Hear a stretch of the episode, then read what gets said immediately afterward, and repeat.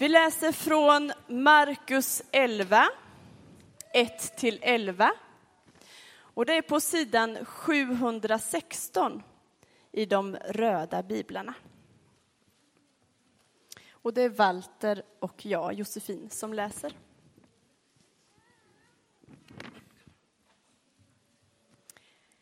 Intåget i Jerusalem. När de närmade sig Jerusalem och var vid Betfage och Betania vid Olivberget skickade han iväg två av sina lärjungar och sa till dem. Gå bort till byn där framme. När ni kommer in i den hittar ni genast en ung åsna som står bunden där, en som ännu ingen har suttit på. Ta den och led, den, och led hit den.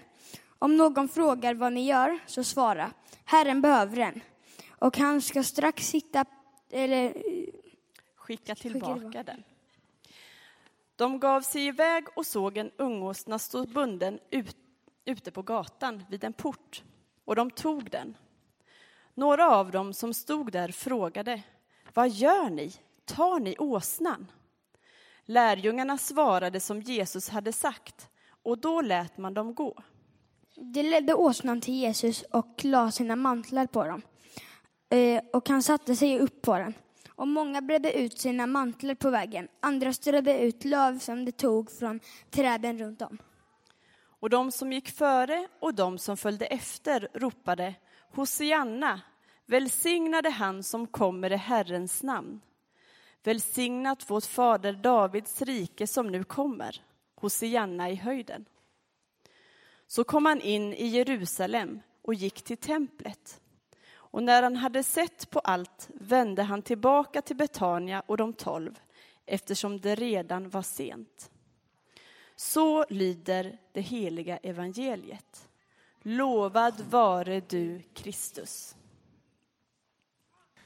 När jag var liten, eller det tog inte så speciellt lång tid innan jag var liten, att jag började bli väldigt, väldigt intresserad av sport fotboll, löpning, skidåkning. Jag, var, jag blev mer och mer en riktig sån här idrottsnörd när jag var liten. Det kunde till och med vara så att min höstförkylning på ett förundligt sätt sammanstrålade med VM i skidor. Så, så kunde det vara för er som förstår det här. Jag var också så nördigt lagd att tänk er en underbar sommardag på Öland. Och vi tältar, jag och min familj. Och nu ska vi till stranden, solen strålar. Men då är det ju mitt under OS.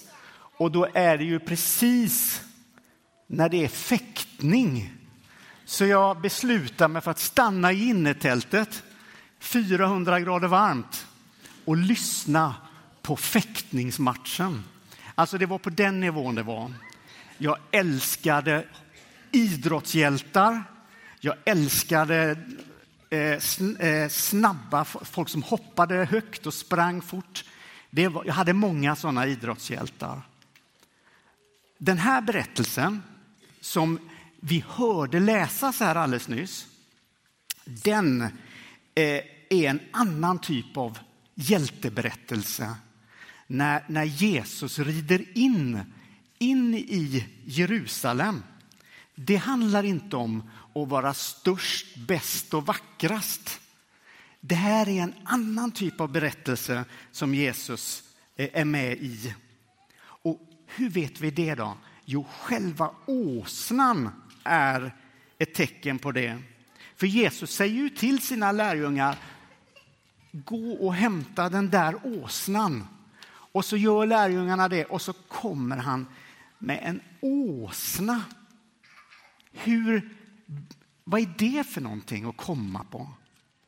Ska man inte ha en stor, kanske en stor häst? Och vad ska det vara för färg på den hästen? Kanske en vit häst, kanske med mycket liksom eh, en stor, ett, ett svärd eller någonting. Är det inte så det ska vara när en kung kommer till den här staden, när, när man ska rida in där? Ska inte en kung visa att han kan göra precis vad han vill? Att det skulle komma någon som eh, skulle befria Israels folk från de där dumma människorna och den där orättvisan och den där kungen som skulle komma och ställa allt till rätta. Det visste folk, för folk hade hört, för det hade Gud sagt en gång att så ska det bli. Så nu väntade man på den här eh, kungen, att han skulle komma, den här stora gestalten. Och så kommer Jesus. Och så rider han in på en åsna. Det är inte så kaxigt. Det kan man ju inte säga. Tänk er, ni som ser film. Tänk, tänk er att ni ser en eh, Fast and Furious-film. Det är snabba bilar, de blänker, det är hastigheter. Och någonstans i filmen, du sitter hemma och du äter dina popcorn. Då någonstans i någon scen så kommer det in en epatraktor. Kan ni tänka er det?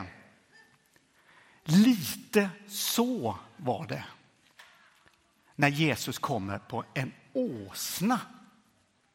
Det var inte riktigt vad man hade tänkt sig.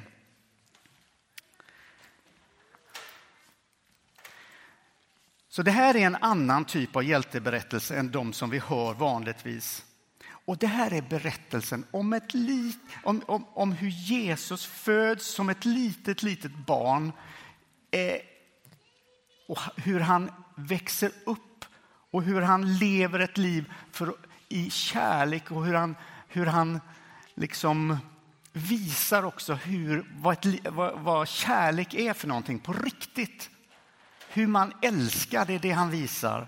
Och sen då längre fram i berättelsen hur han då rider in i Jerusalem och så blir han hyllad. Så blir han hyllad som en kung. För den här dagen, då var ju folk hur glada som helst över det som hände. Det var ju liksom en hype det här eh, att Jesus var på väg in i deras stad. Och folk fattar att här är det någonting som händer. Så man liksom tar eh, stunden som den kommer och man tänker att det här måste vi ju fira. Så man plockar lite kvistar här och, och, och, och liksom viftar med och hyllar honom när han kommer här. Och så lägger några ut mantlarna så, här på, eh, så att han ska kunna smidigt ta sig fram. Liksom. Och det gör vi också.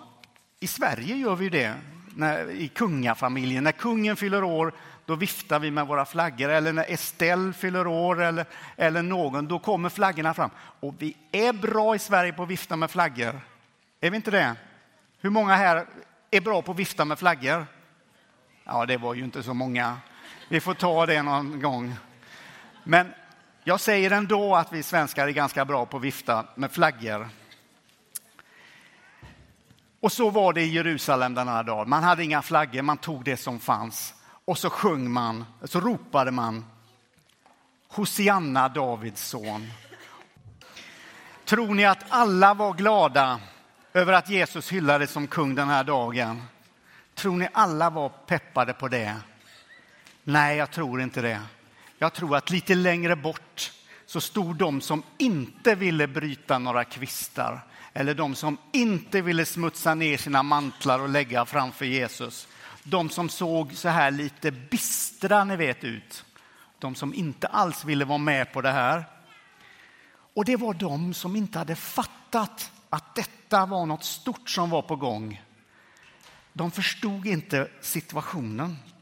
De tänkte så här, att det här var ju absolut den mest löjliga kung de någonsin har sett. Va? Han passar ju inte alls in på det vi har väntat på. Han har ju ingen krona på huvudet. Han har ju inga vapen. Och så kommer han på en sån där fjantig åsna. Det kan väl aldrig vara rätt person. Det ska ju vara en häst, så kan väl inte en kung göra. Så varför rider eh, Jesus in i Jerusalem överhuvudtaget? Jo, påsken närmar sig. Och han visste med sig att snart så kommer de att gripa honom. De som inte tycker om honom. Och de kommer att spika upp honom på ett kors för att han skulle dö. Men vad de inte visste, det var det att han kommer att uppstå. Och det, jag pratar med så här liten röst nu därför att det kommer vi prata om i påsk. Hela det här fantastiska. Men jag måste ju säga det lite ändå. Så att det är det det handlar om. Så nu rider Jesus in i själva dramat. Och han har ett uppdrag. Han har ett uppdrag från Gud själv. Att genom sin död bryta ondskans makt och komma med hopp till varenda människa. Varenda människa. Det är därför han rider in i Jerusalem. Och det här är, jag skulle säga, historiens allra största kärleksförklaring. Alla tider, alla kategorier. Gud kramar världen. Gud kramar världen. Och i den kramen, där ryms alla barn. Där ryms du, du, du, du, du, du, alla vuxna, du, du, du, du. Hela världen ryms i den kramen. Alla som är rädda, alla som är oroliga ryms i den kramen. Alla som har det svårt. Men i den kramen ryms också vår glädje. Vår lovsång, som när vi sjöng här alldeles nyss och vi stod upp och sjöng Hosianna. Det ryms också i den här omfamningen från Gud. Och vi får vara med och hylla Jesus när han rider in i Jerusalem.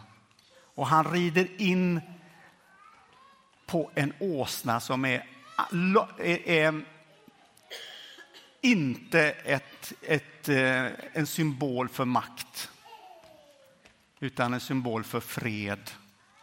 Inte med vapen, utan med kärlek. Och Det ligger någonting fantastiskt viktigt för oss att snappa upp också när vi går ut från kyrkan här. Att han kan vara vår, vår, vårt föredöme i kärlek. Så vi får vara med och hylla Jesus som kung idag på vårt personliga sätt. Vi ska ju alldeles strax här få ta emot nattvarden. Och då får vi minnas det Jesus gjorde. Att han föddes som ett litet värnlöst barn, att han lärde oss vad kärlek var och visade oss hur verklig kärlek ser ut och att han sätter sig på fredens eh, symbol eller en enkel som rider in i Jerusalem för att gå till korset, för att komma med hopp, för att komma med tröst och komma med befrielse. Så i brödet här alldeles strax när vi ska dela det så ligger det här hoppet. Så ligger eh, Guds sätt att säga ta emot brödet, ta emot vinet man kan också säga att, att det, är, det är Guds sätt att säga att jag har inte lämnat er ensamma. Jag är närvarande. Ta bröd och vin och, och, och, och liksom låt det bli en del av er, er livsstil. Jag är nära er. Vi är inte ensamma.